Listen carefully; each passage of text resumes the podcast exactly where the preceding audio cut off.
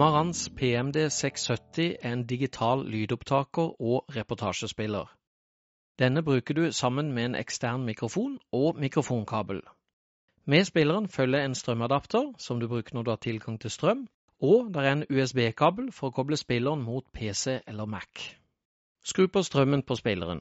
Koble til mikrofonen med ledninga inn på spillerens venstre inngang merka left. Dette gjør du fordi du bruker én mikrofon og tar opp ett enkeltspor i mono. Skru gjerne headset-volumet ditt ned for å unngå plutselig brå lyd når du trykker på opptak eller opptakpause. Rekk pause eller opptak-pause. Åpne for mikrofon. Sjekk nå at du får utslag på lydmeteret i displayet når du prater inn i selve mikrofonen. Du vil gjerne ha opptaksnivå opp mellom minus 12 til minus 6 dB, som gir et godt og normalt signal. Bruk opptakshjulet eller rekkehjulet for å sette riktig opptaksnivå når du prater direkte inn i mikrofonen. Det holder stille hjulet opp på mellom to og fire da.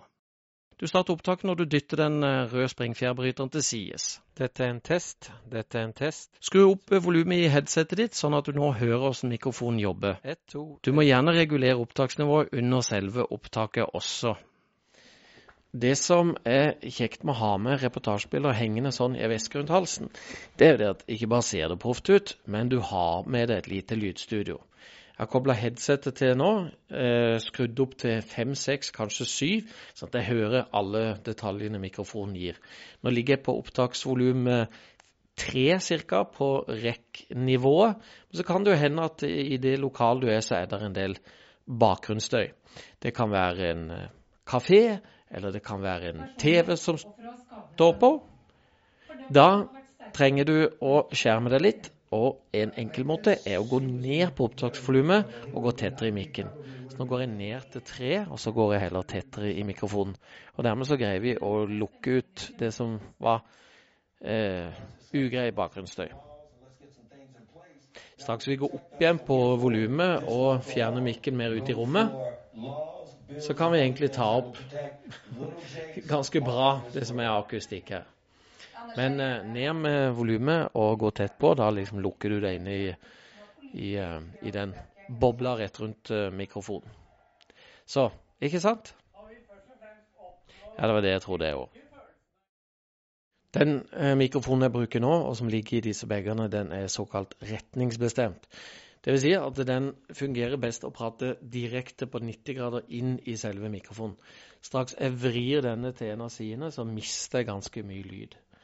Så det må du bare være klar over, at med en retningsstyrt uh, mikrofon som dette, såkalt nyrekarakteristikk, så må du peke mikrofonen mot uh, lydkilden, og helst være i nærheten av den.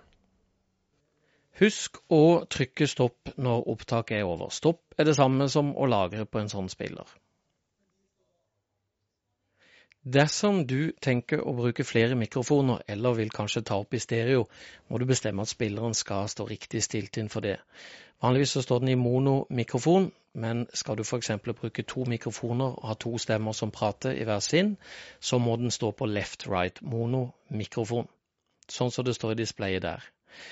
Skal du ta opp i stereo med en stereomikrofon eller stereokonfigurasjon, så må du switche over til stereo. Det gjør du altså med input-knappen. Skal du endre på opptaksformatet eller kvaliteten på opptaket, må du inn i menu.